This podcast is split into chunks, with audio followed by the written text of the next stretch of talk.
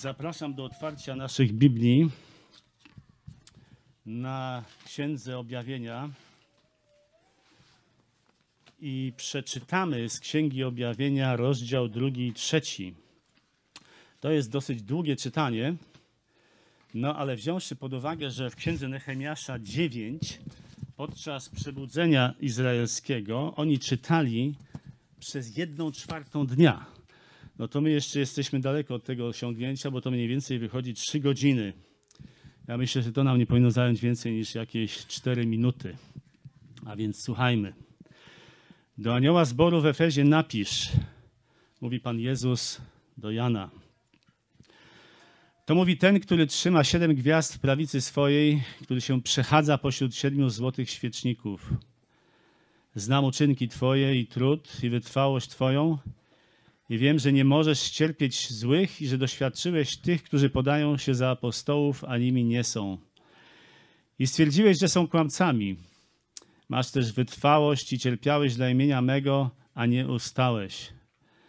Lecz mam ci za złe, że porzuciłeś pierwszą twoją miłość.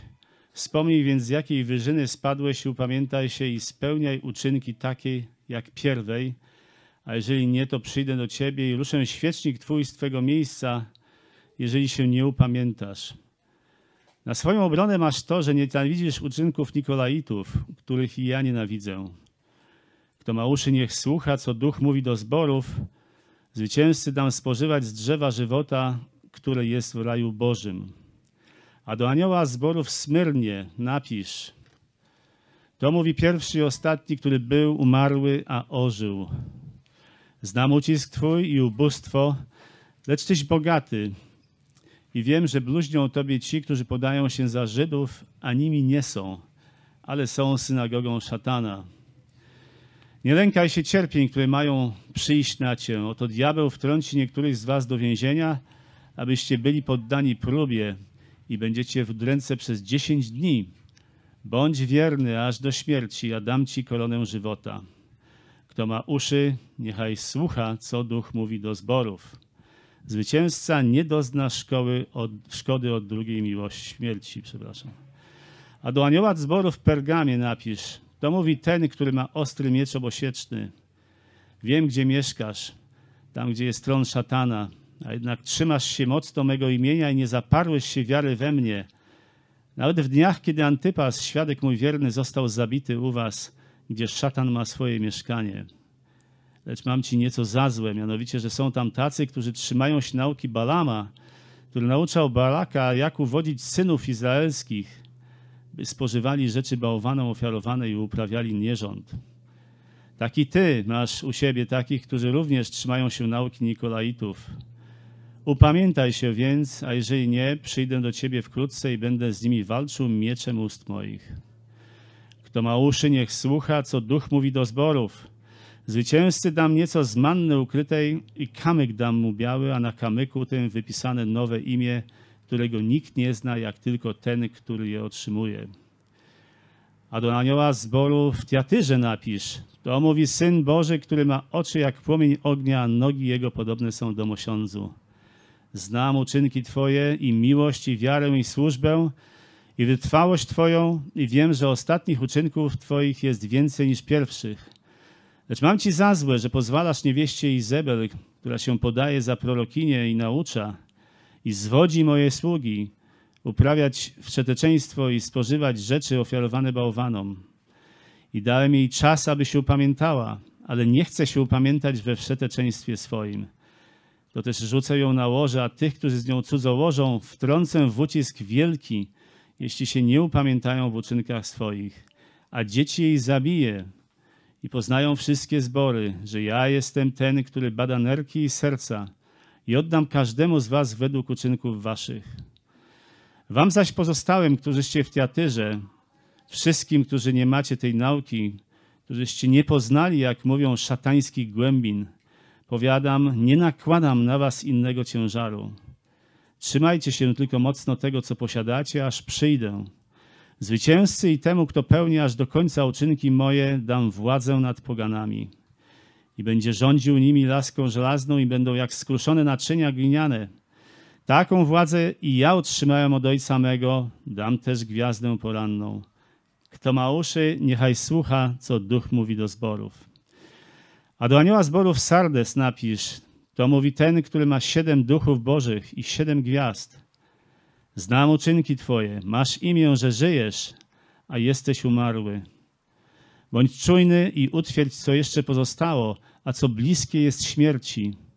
Nie stwierdziłem bowiem, że uczynki Twoje są doskonałe przed moim Bogiem. Pamiętaj więc, czego się nauczyłeś i co usłyszałeś, i strzeż tego i upamiętaj się. Jeśli tedy nie będziesz czujny, przyjdę jak złodziej, a nie dowiesz się, o której godzinie cię zaskoczę. Lecz masz Sardes kilka osób, które nie skalały swoich szat, więc chodzić będą ze mną w szatach białych, dlatego że są godni. Zwycięzca zostanie przeobleczony w szaty białe i nie wymarzę imienia jego z księgi żywota i wyznał imię jego przed moim ojcem i przed jego aniołami. Kto ma uszy, niech słucha, co duch mówi do zborów. A do anioła zboru Filadelfii napisz: To mówi święty, prawdziwy, ten, który ma klucz Dawida, ten, który otwiera, nikt nie zamknie, i ten, który zamyka, nikt nie otworzy. Znam uczynki Twoje. Oto sprawiłem, że przed Tobą otwarte drzwi, których nikt nie może zamknąć. Bo choć niewielką masz moc, jednak zachowałeś moje słowo i nie zaparłeś się mojego imienia. Oto sprawię, że ci z synagogi szatana, którzy podają się za Żydów, a nimi nie są, lecz kłamią, oto sprawię, że będą musieli przyjść i pokłonić się Tobie do nóg i poznają, że ja Ciebie umiłowałem. Ponieważ zachowałeś nakaz mój, by przy mnie wytrwać, przeto ja zachowam Cię w godzinie próby, jaka przyjdzie na cały świat, by doświadczyć mieszkańców ziemi. Przyjdę rychło, trzymaj co masz, aby nikt nie wziął korony Twojej.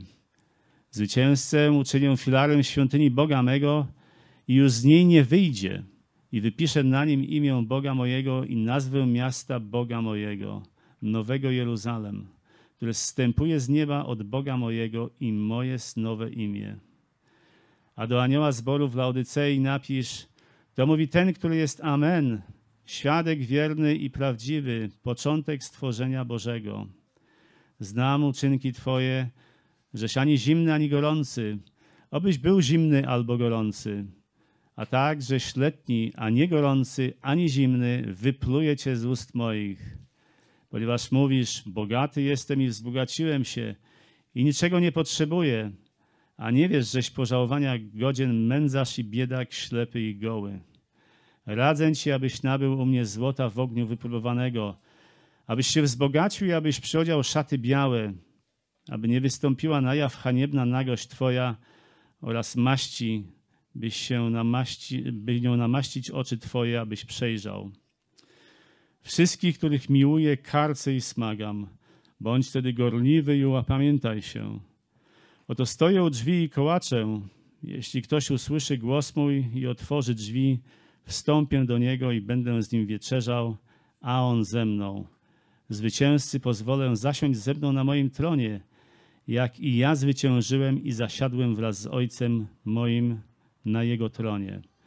Kto ma uszy, niechaj słucha, co Duch mówi do zborów.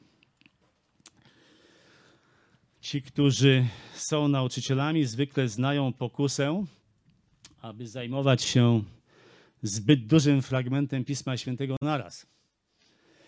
Otóż tak to w ogóle jest ze Słowem Bożym. Są takie momenty, kiedy chcielibyśmy przeczytać całą Biblię naraz. Taka jest po prostu potrzeba serca, żeby w jednym podejściu połknąć to wszystko. Jestem pewien, że znacie to uczucie. Taki może być głód prawdy i tego nie należy się wstydzić, pod warunkiem, że niemożność zrealizowania tego pragnienia nie odciągnie nas od czytania w ogóle. Nauczyciele Pisma Świętego też czasem nadgryzają więcej tekstu Pisma Świętego niż to może być przetrawione w czasie jednego kazania. I to nawet nie musi być najgorsze, jeżeli uda mi się przedstawić znaczne części Pisma w sposób zrównoważony. Tymczasem jednak gorzej jest, jeżeli w swoim zapale ekspozycyjnym skupiają się na bardzo małej porcji Pisma Świętego, choćby nawet na jednej kropce albo przecinku, chociaż też takie słyszałem historie. Otóż oba te przypadki to jest poważne wyzwanie dla słuchających. Zdajemy sobie z tego sprawę, a więc także rozumiemy, że Kościół powinien modlić się o swoich kaznodziejów, aby mogli sobie radzić z tymi pokusami i innymi, aby mogli być pożytkiem dla Kościoła i robić to dla chwały Bożej. To kazanie zatytułowałem Co Bóg, co Duch mówi do zborów. I oczywiście nie trzeba się długo zastanawiać, dlaczego tak jest. Ten tytuł został tak wybrany, ponieważ każda większa część rozdziału drugiego i trzeciego, tak jak je czytaliśmy, kończy się takim właśnie zdaniem, co oczywiście ekspozytorowi słowa bardzo ułatwia życie.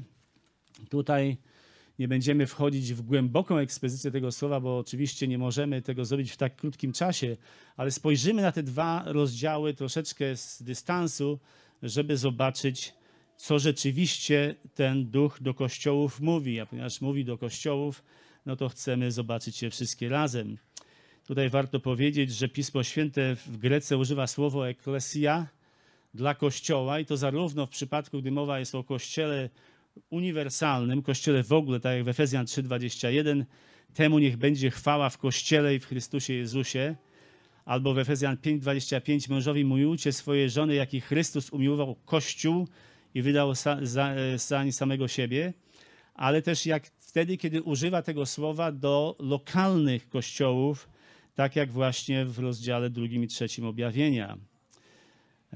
Pytanie, co duch mówi do kościołów, jest kolosalnie ważne i dzisiaj, tak samo wtedy, kiedy było po raz pierwszy wypowiedziane, zresztą przez następne 20 stuleci kościoły zawsze miały taką potrzebę, aby widzieć prowadzenie Ducha Świętego, widzieć, jak kieruje je w sferach dotyczących życia i służby. On jest przewodnikiem w tym kościele, a także słowo Jego napisane pod Jego inspiracją. A więc prawda jest taka, że kondycja każdego kościoła jest uzależniona od tego, w jakim stopniu Kościół jest w stanie widzieć prowadzenie Ducha Świętego i w jakim stopniu jest w stanie się Jemu poddać. Tylko wtedy właśnie w historii Kościoła, kiedy one trzymały się blisko Słowa Bożego, to unikały skutecznie zastępowania Bożego nauczania tradycją ludzką, Królestwo Boże wtedy rosło i rozwijało się, rozprzestrzeniało się po ziemi. Jednak Kościół odchodził od swojego fundamentu, fundamentu doktryny apostolskiej, no to jego użyteczność i skuteczność dla Królestwa Bożego, dla rozprzestrzeniania się prawdy dramatycznie malała. A więc bardzo ważne jest dla nas, aby kościoły kontynuowały bycie tym, czym powinny być i pamiętamy ten zwrot, czyli filarem i fundamentem prawdy 1 Tymoteusz 3,15. A więc jeżeli tak ma być, to oczywiście krytycznie ważne jest, aby kościoły powróciły do wiernego głoszenia Słowa Bożego jako jednego z jego głównych priorytetów w wypełnianiu zarówno zewnętrznej misji ewangelizacyjnej, jak i też wewnętrznej misji przygotowywania świętych do dzieła posługiwania. Apostoł Paweł w drugim liście do Tymoteusza 4:2 instruuje Tymoteusza, aby szedł za jego przykładem i głosił słowo. Piotr w liście Piotra pierwszym 4:11 idzie nawet dalej, kiedy mówi tutaj cytuję z Biblii Starego i Nowego Przymierza, kto przemawia, niech mówi tak, jakby przekazywał słowo Boga. Słowo Boga, czyli słowo Boże powinno być fundamentem, na którym wszystko się inne opiera i z tego wszystko inne w Kościele wypływa. Musimy też pamiętać, że niezależnie od sukcesu czy też niepowodzenia w wypełnianiu służby danej Kościołowi, to Pan sam, Jezus Chrystus jest tym, który buduje swój Kościół jak pamiętamy, bramy piekielne mu się nie przeciwstawią, nie przemogą go. Kościół będzie trwał do chwili jego pochwycenia do nieba, ponieważ Chrystus wypełni swoją obietnicę i wypełni swoją wolę.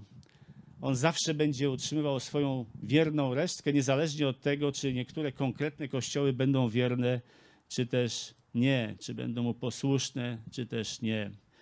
Kościół jest oblubienicą Chrystusa, jego własnym ciałem i tak głęboka relacja między nim, między głową a ciałem jest także odzwierciedleniem tego, w jakim głębokim zaangażowaniu w życie pojedynczych kościołów on funkcjonuje. Pan Jezus jest głęboko zaangażowany. I to właśnie teraz, kiedy rozważymy, co Duch mówi do kościołów, zajrzymy do tego rozdziału drugiego i trzeciego i zobaczymy pięć form zaangażowania Chrystusa w Jego Kościół. A więc pięć form zaangażowania Chrystusa w Jego Kościół. Na początek jednak kilka faktów wprowadzających. Otóż Księga Objawienia została napisana około 95 roku po narodzeniu Chrystusa na wyspie Patmos, znajdującej się około 50 km na południowy zachód od Azji, wybrzeża Azji Mniejszej, to jest obecnie wybrzeże Turcji. Autor tej księgi, apostoł Jan, został tam zesłany, jak czytamy, za zwiastowanie Słowa Bożego i świadczenie o Jezusie. I to jest właśnie tam, gdzie otrzymał to potężne objawienie, które zapisał pod prowadzeniem, inspiracją, natchnieniem Ducha Świętego i w ten sposób wypełnił to konkretne przykazanie Chrystusowe, które jest zawarte w rozdziale pierwszym, werset 11 i 19. To, co widzisz, zapisz w księdze i wyślij do siedmiu kościołów. Werset 11 to była 19. Napisz więc, co widziałeś i co jest i co się stanie potem. A więc apostoł Jan otrzymuje to wizję zmartwychwstałego Chrystusa, które nawiasem mówiąc jest naszą niezwykle unikalną y, sposobnością, żeby zobaczyć, jak on wygląda teraz. Teraz, dzisiaj, w obecnej chwili, kiedy siedzi po prawicy Ojca i sprawuje swoją boską, suwerenną kontrolę nad wszystkimi rzeczami. Więc rok jest 95, Jan jest już sędziwy, ma około 80-85 lat, jest najprawdopodobniej jedynym już żyjącym apostołem.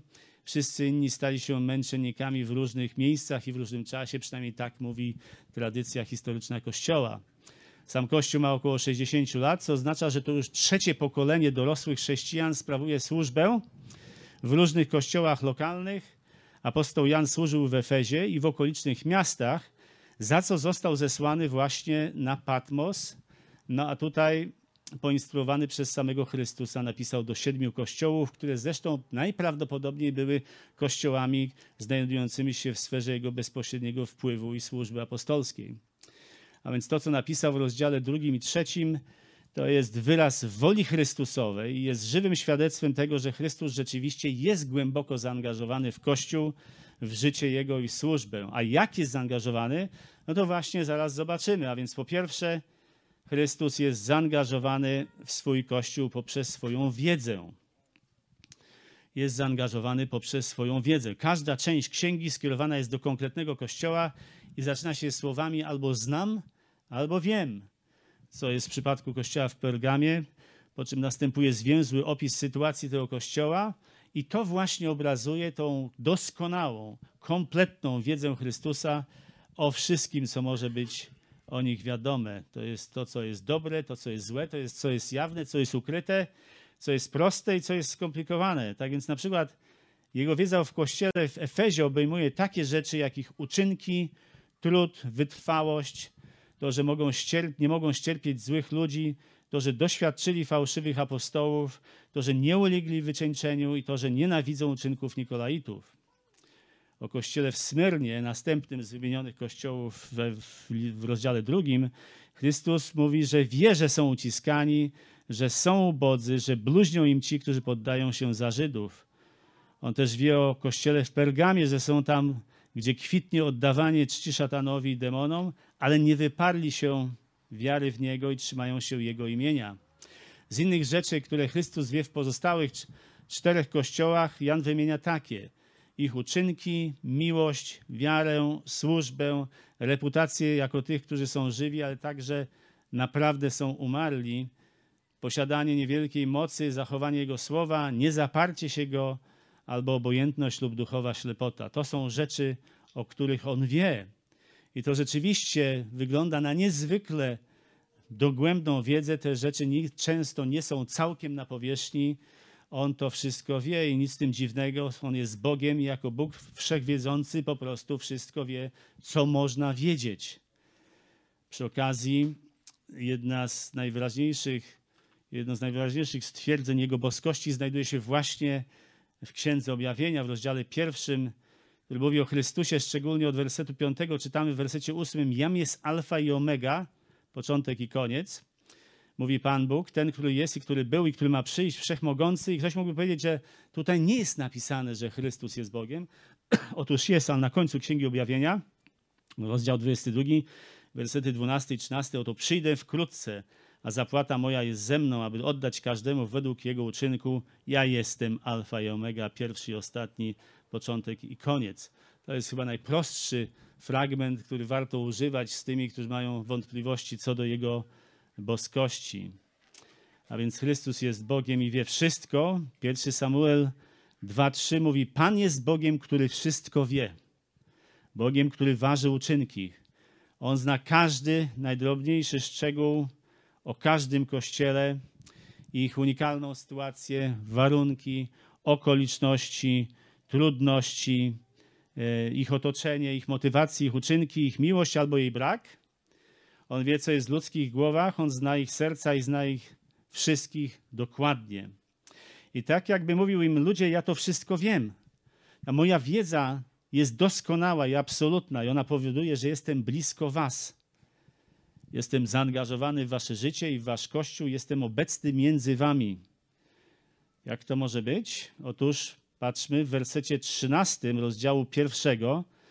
Czytamy, że on jest pośród siedmiu złotych świeczników, które, co jest wyjaśnione w wersecie 20, są siedmioma kościołami, co oczywiście pokazuje jego obecność między nimi. Chrystus jako Bóg wszechmogący jest tym, który wszystko wie, jest tym, który, przepraszam, wszechobecny jest tym, który wszystko wie, mimo że jest w tej chwili w cielestej postaci w niebie. Tak jak to Bóg jest obecny wszędzie, On jest także. Jeżeli chcesz się troszeczkę więcej dowiedzieć na temat Bożej Wszechobecności, to czytamy Psalm 139, dokąd ujdę przed Duchem Twoim, pyta Dawid w wersecie 7. A więc Chrystus jest Bogiem, jest obecny wśród nas w każdym czasie i świadomość tego powinna mieć przeogromny wpływ na nasze życie, na nasze myślenie, nasze postępowanie, naszą służbę i wszystko inne. Przy okazji ten znany werset z Mateusza 18:20, gdzie są dwaj lub trzej zgromadzeni w imię moje, tam jestem pośród nich. Ten werset nie mówi, że potrzeba dwóch lub trzech, żeby Chrystus był obecny między nimi. E, Chrystus jest wszechobecny, jego obecność sięga wszędzie. On jest obecny tam, gdzie jest dwóch lub trzech, on jest obecny tam, gdzie jest tylko jeden. Więc nie trzeba, żeby się więcej zbierało, żeby on tam się znalazł. On jest obecny wszędzie. Nie ma takiego miejsca, w którym on nie był. Um, czasami on jest jedynym tym, który jest z nami w jakimś miejscu, jest jedynym obserwatorem, jedynym słuchaczem i tym, który czyta nasze myśli. A więc czasami radzi się osobom, które zmagają się z jakimś powtarzającym się grzechem, żeby weszli w relację rozliczalności z kimś zaufanym. I otóż Chrystus wie wszystko, jest wszędzie. Czy to jest relacja rozliczalności? Byśmy się zapytali. Oczywiście, że jest. Oczywiście, że jest. To jest ten rodzaj naprawdę rozliczalności, który powoduje, że się pogłębia nasza relacja z Nim. Kiedy rośniemy duchowo, jesteśmy wzmocnieni, zaczynamy odnosić zwycięstwo nad naszymi słabościami i przenosimy Chrystusowi chwałę w naszych myślach i w naszym ciele. Ta rozliczalność na poziomie ludzkim może być pomocna w korygowaniu zachowania, i tutaj w tym nic złego nie ma, ale ona nie jest dostatecznie głęboka, ona nie sięga dostatecznie daleko. Ona nie sięga poza postępowanie, nie penetruje serca na poziomie duchowym, na poziomie serca właśnie, gdzie wszystko tak naprawdę bierze swój początek. Oczywiście wiemy, że Pan Bóg chce naszych serc, naszych reakcji, tych, które są zrodzone głęboko w sercu, a nie tylko zewnętrznego zachowania. I tylko głęboka świadomość obecności Chrystusa i Jego perfekcyjnej wiedzy, przez którą jest zaangażowany w nasze życie i nasz Kościół poprowadzi do właściwej naszej postawy wobec Niego. I to jest dlaczego mówi on do tych kościołów: Ja wiem, ja wiem, kim jesteście, wiem, kim chcę, żebyście się stawali także.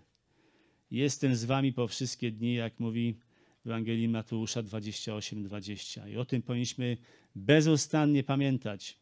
Po drugie, Chrystus jest zaangażowany w kościoły poprzez ich ocenę. Jest zaangażowany w kościoły poprzez ich ocenę. On nie tylko wszystko wie o kościołach, ale też ocenia to, co wie, oddzielając to, co dobre, od tego, co złe, tak jak widzimy na przykładach listów skierowanych do wszystkich kolejnych kościołów. E, tak było też i z kościołem w Efezie. Oni byli prawie idealni, pracowali ciężko, trwali, wytrzymywali, strzegli prawdy, byli czujni wobec fałszywej doktryny, ale z tym wszystkim, co było dobre, porzucili swoją pierwszą miłość. To jest bardzo zadziwiające, bo nawet półtora pokolenia przedtem, kiedy Paweł pisał list do Efezjan, to chwalił ich za ich wiarę i miłość, którą mieli do wszystkich świętych, i to jest w rozdziale pierwszym, w wersecie 15. Ale czy to by oznaczało, że oni pożyczyli swoją pierwszą miłość, którą mieli wobec siebie wzajemnie? No, to może też, ale to nie jest to, o czym tutaj mowa. A więc o czym tu jest mowa? Tutaj jest mowa o tym, że i najpierw pewnie powinniśmy sobie zadać pytanie, co to jest miłość, jeżeli już mówimy o tej utracie tej miłości. Czy miłość to jest jakieś szczególne uczucie, które mamy wtedy, kiedy jesteśmy w obecności jakiejś szczególnej osoby? Mówiąc najprościej, Pismo Święte odpowiada na to pytanie nie. Pismo Święte mówi raczej o poświęceniu siebie, o cierpliwości, o łagodności, o braku zazdrości, o niechlubieniu się, o braku arogancji, o nieszukaniu swojej korzyści, o niebyciu porywczym, niechowaniu urazy, niezaradowaniu się z niesprawiedliwości, ale z prawdy, zakrywaniu wszystkiego, spodziewaniu się wszystkiego, znoszeniu wszystkiego. I to oczywiście jest to, co czytamy w pierwszym liście do Koryntian, rozdział 13. Ale to jest miłość wobec człowieka. A tutaj jest miłość wobec Pana i ona przede wszystkim oznacza posłuszeństwo. Trzy razy w Ewangelii Jana, chociażby 14 rozdział, czytamy, że posłuszeństwo jest istotą miłości do Chrystusa. Jan 14, 15, Chrystus mówi: Jeżeli mnie miłujecie, przykazań moich przestrzegać będziecie. Jan 14, 21, Kto ma przykazania moje i przestrzega ich, ten mnie miłuje. Jan 14, 23, Kto mnie miłuje, słowa mojego przestrzegać będzie. I oczywiście w pierwszym mieście Jana 2, 5, kto zachowuje słowo Jego, w tym prawdziwie dopełniła się miłość Boża. A więc widzimy, że miłość nie jest jakimś płytkim sentymentalizmem, zarówno w stosunku do Boga, jak i w stosunku do innych ludzi, ale też miłość nie jest ołtarzem, na którym można poświęcić prawdę. Nie możemy zapominać o różnicach w doktrynie i po prostu się wzajemnie miłować. Miłość i prawda są nierozdzielne. Czy pamiętamy Ewangelii Jana 4,24? Bóg jest duchem, a ci, którzy mu cześć oddają, winni mu ją oddawać w duchu i w prawdzie. W liście do Filipian, rozdział pierwszy, werset dziewiąty. Miłość i prawda są też związane ze sobą. Paweł mówi, i oto się modlę, by wasza miłość coraz bardziej obfitowała w poznanie i we wszelkie zrozumienie. Jednak pragnienie Kościoła, aby zachować i chronić prawdę, z kolei nie może się zmienić zimną ortodoksję, chociaż bardzo łatwo się tam znaleźć, czystość doktrynalna i moralna, serce dla prawdy, zdyscyplinowana służba nie mogą zastąpić miłości do Chrystusa. To się właśnie przydarzyło Kościołowi w Efezie. Oni porzucili swoją pierwszą miłość i stali się Kościołem bez miłości. I to oczywiście nie umknęło uwadze Chrystusa, bo On ocenia Kościoły i to jest jedno z Jego form zaangażowania w Kościele. On wie, że niektóre kościoły stały się zimne, ale też i wie, że niektóre poszły w drugą stronę, a mianowicie utraciły zdolność rozróżniania prawdy. Prawdy oczywiście od fałszu.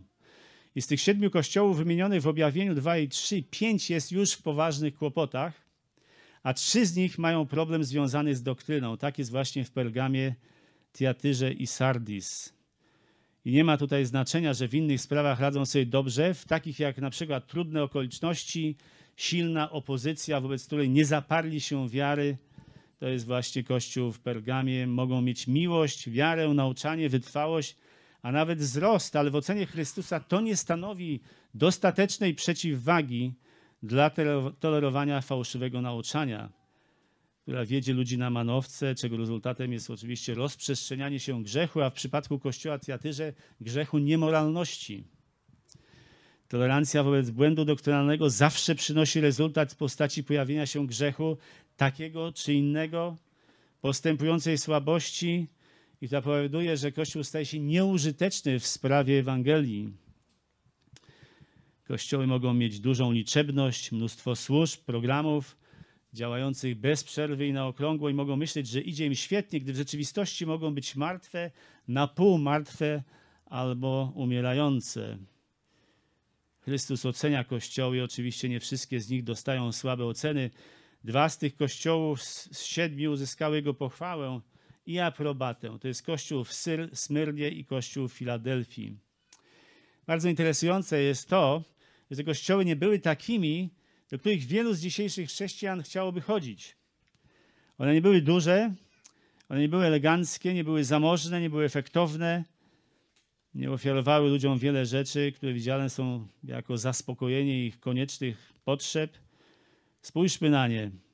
Kościół w Smyrnie, biedny, mocno uciskany, prześladowany, cierpiący, liczący się ze śmiercią. Albo kościół w Filadelfii, mały, o niewielkiej mocy, trwający wiernie w utrapieniach. Trudno dzisiaj ochotników, którzy chcieliby dołączyć do takich kościołów, i najwyraźniej też trudno było o nich i wtedy. Tak naprawdę, kiedy Kościół zaczyna być prześladowany, to jego lista członków zmniejsza się znacząco i tylko ci, którzy gotowi są zapłacić cenę, pozostają. A więc mamy coś bardzo interesującego. Otóż te najmniej atrakcyjne kościoły według kryterium ludzkiego, albo przynajmniej według dzisiejszych standardów, to te, do których Chrystus nie ma żadnych zastrzeżeń. Mało tego, on je chwali za wierność i trwanie w Jego słowie i to jest właśnie, co zyskuje Jego aprobatę. Wierność Jego słowu. Zaangażowanie Chrystusa w lokalnym kościele nie kończy się na Jego wiedzy i ocenie jednak. On chce zmiany. On chce zmiany. I to sprowadza nas do trzeciej formy Jego zaangażowania w kościele i to jest poprzez wzywanie do zmiany. On wie, on ocenia, on napomina i wzywa do zmiany każdy kościół, w którym widzi jakieś braki. Zmiana jest niczym nowym w Kościele. Jeżeli uświęcenie, czyli duchowe dojrzewanie jest procesem, w którym ludzie przechodzą z jednego miejsca dojrzałości do drugiego miejsca, z jednego stanu duchowości do drugiego stanu, poprzez zmianę serca pod wpływem Słowa Bożego, no to Kościół jako całość, jeżeli ma być żywy, a nie umarły, także pokaże widoczne oznaki dojrzałości, a więc zmianę i wzrost pod tym względem. Celem napomnienia i wezwania do zmiany jest poruszenie serca, z którego ta zmiana ma wypłynąć. Zachęcenie do upamiętania tego, z tego, co było niedobre i zwracania się w stronę tego, co było dobre. Głoszenie słowa było zawsze głównym narzędziem, które Pan Bóg używał do tego, żeby osiągnąć ten cel. Prorocy Izraela wzywali Izrael do posłuszeństwa Bogu. Tak też jest i w Nowym Testamencie. Chrystus używa głoszenia Jego słowa, aby napominać kościoły, aby mogły stawać się tym, czym powinny być. W znanym fragmencie drugiego listu do Tymoteusza 4:1-2 Paweł mówi: Zaklinam cię tedy przed Bogiem i Chrystusem Jezusem, który będzie sądził żywych i umarłych na objawienie i królestwo Jego. Głoś słowo, bądź pogotowiu w każdy czas, dogodny czy niedogodny, karć, Grom, napominaj z wszelką cierpliwością i pouczaniem. Otóż główny motyw Chrystusowego napomnienia to jest upamiętanie. To jest to słowo, które powtarza się raz po raz w każdym liście skierowanym do konkretnego kościoła, wobec którego Chrystus ma jakieś zastrzeżenia, a więc to jest, jest znaczące. Sednem każdej zmiany do, od tego, co jest przedmiotem napomnienia, do tego, co jest mu miłe, jest upamiętanie. I to nie po prostu potwierdzenie problemu i widzenie go jako taki, ale rzeczywisty zwrot w życiu, zaczęcie robienia tego, co właściwe. To nie jest upamiętanie, jeżeli ja zmieniam zdanie na temat czegoś i przyznaję, że to jest złe, ale i tak robię to dalej. Pamiętamy ten fragment w liście Jakuba. Jest jak spojrzenie w lustro, zobaczenie siebie, a następnie odejście bez żadnej reakcji. Nie wystarczy to tylko widzieć. Upamiętanie zawsze oznacza odwrócenie się od grzechu i porzucenie tego grzechu. To jest dokładnie to, co znaczy ono w zbawieniu, kiedy grzesznik, kiedy jest dotknięty Duchem Świętym, nagle widzi swoją niegoźliwość i grzech, który przywodzi go do krzyża. I przychodzi on do Chrystusa po przebaczenie, nowe życie i odwraca się od tego, co było. To jest też, co ma na myśli Jakub, kiedy pisze, że wiara bez uczynków jest martwa.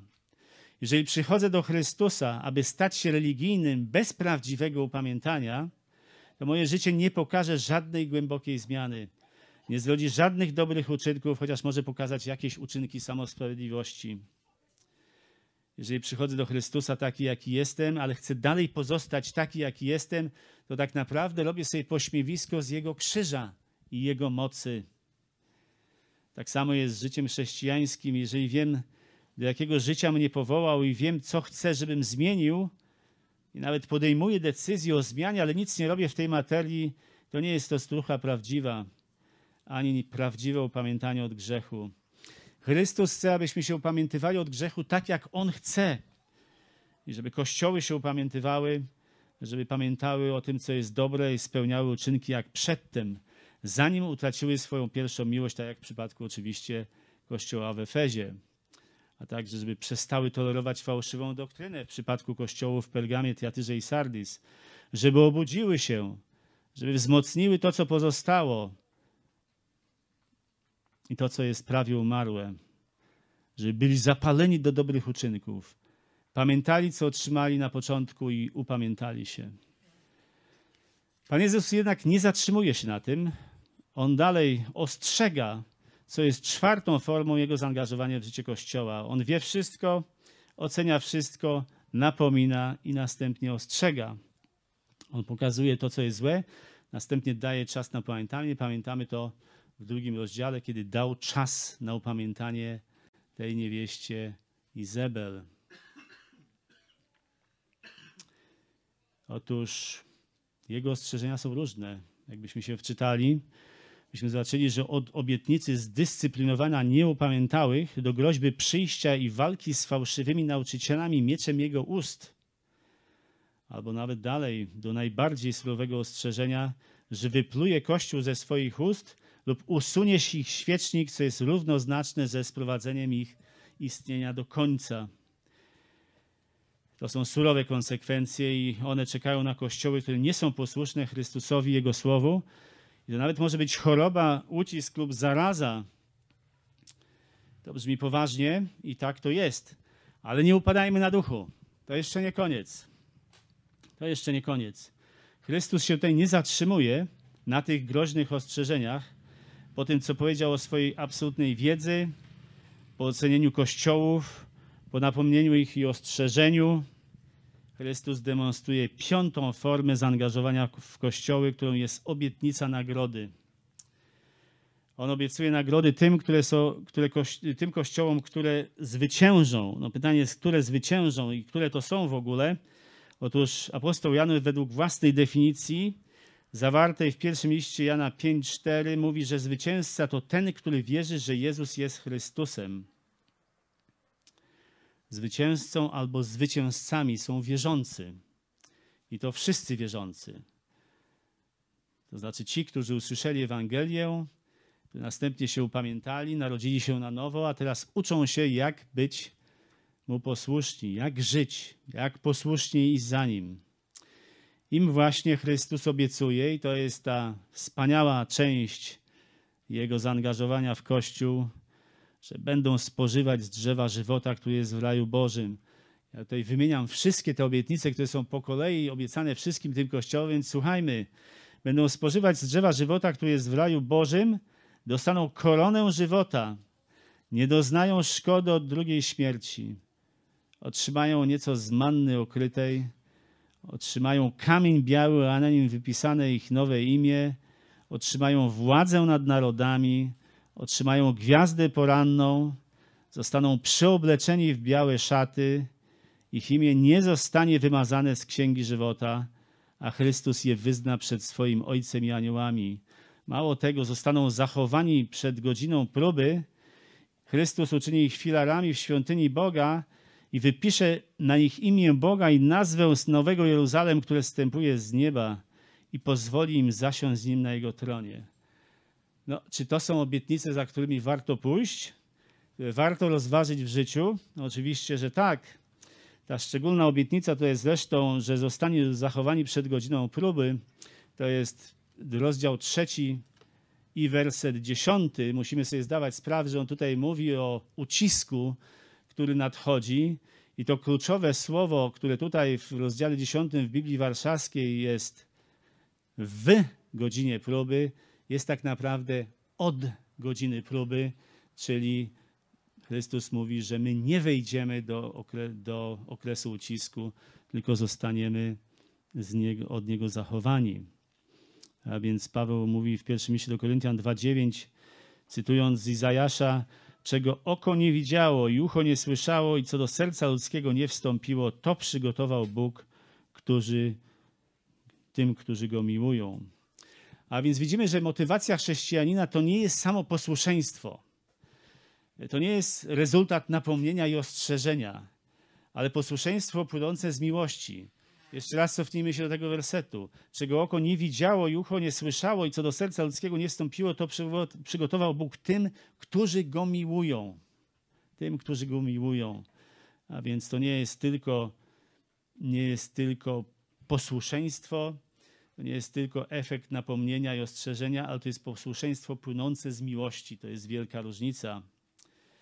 Miłości nie tylko wzbudzonej przez miłość Bożą, wyrażoną na krzyżu, ale także miłości wzbudzonej przez Boże przykazanie.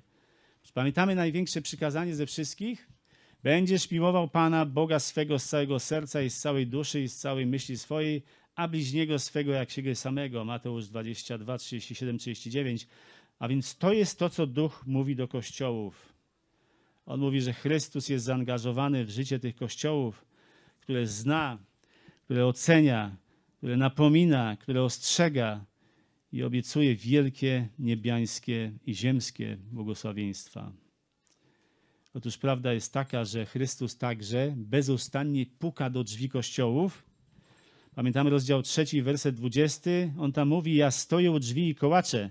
Ten werset nie mówi, uwaga, o pukaniu do serca człowieka. On jest często tak używany w sensie zastosowania, używany jest ewangelizacyjnie i to jest w porządku. E, ten werset mówi o Chrystusie, który chce wejść do kościoła. Konkretnie tutaj w Laodycei, który nazywał się kościołem, ale w którym nawet nie było jednego wierzącego. Otóż list, do, list Chrystusa do tego kościoła był jego kołataniem do drzwi tego kościoła i wzywaniem tych, co tam byli, do prawdziwej zbawy, zbawczej wiary i do prawdziwej społeczności z nim. Wszystkie kościoły w historii miały błogosławieństwo i przywilej słuchania, co Duch Boży mówi do nich, dzięki Słowu Bożemu, które Pan dał im, aby się nim kierowali. Te listy do siedmiu kościołów są skierowane do siedmiu kościołów, ale także do wszystkich kościołów historii. Każdy list do konkretnego kościoła kończy się zwrotem: Kto ma uszy, niech słucha, co, Bóg, co Duch mówi do kogo? Do kościołów. Nie tylko do tego jednego, w tamtym czasie listy apostolskie, które były adresowane do jednego kościoła, krążyły między kościołami zgodnie z życzeniem autora i oczywiście zgodnie z suwerennym zamysłem Boga. Na przykład w Kolosan rozdział 4 i werset 16 czytamy a gdy ten list będzie u was odczytany, postarajcie się o to, aby został odczytany także w zborze Laodycejczyków, a ten, który jest z Laodycei, i wy też przeczytajcie. Nawet sam Pan Jezus Chrystus w Ewangelii Marka 13 i w wersecie 37 mówi: To, co wam mówię, mówię wszystkim. Czuwajcie. Otóż to, co słyszeliśmy o tych siedmiu zborach, to oczywiście jest tylko wprowadzenie. Jest tam znacznie więcej treści, kiedy się skupić już na konkretnych wersetach, konkretnych zwrotach, konkretnych słowach i konkretnych znaczeniach jest tam znacznie więcej, więc niech ta reszta będzie przedmiotem naszego indywidualnego studiowania. I ciekawostka, ci, którzy nie zatrzymają się w tym miejscu, na tym rozdziale drugim i trzecim, tak jak go przejrzeliśmy dzisiaj, ale pójdą dalej, słuchając, studiując objawienie Jana, jest dla nich specjalna nagroda. Wiecie, co to jest? Ta nagroda to jest, bo będziecie błogosławieni. Rozdział pierwszy, werset trzeci mówi: Błogosławiony jest ten, który czyta i ci, którzy słuchają słów proroctwa i zachowują to, co w nim jest napisane. Czas bowiem jest bliski.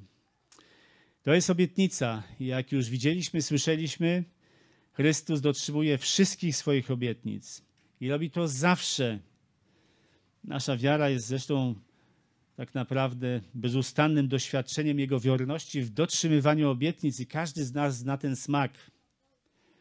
Od przebaczenia grzechów, oczyszczenia z grzechów, udzielenia nowego życia, zaspokojenia wszystkich potrzeb, do życia wiecznego w Jego cudownej, pełnej chwały obecności.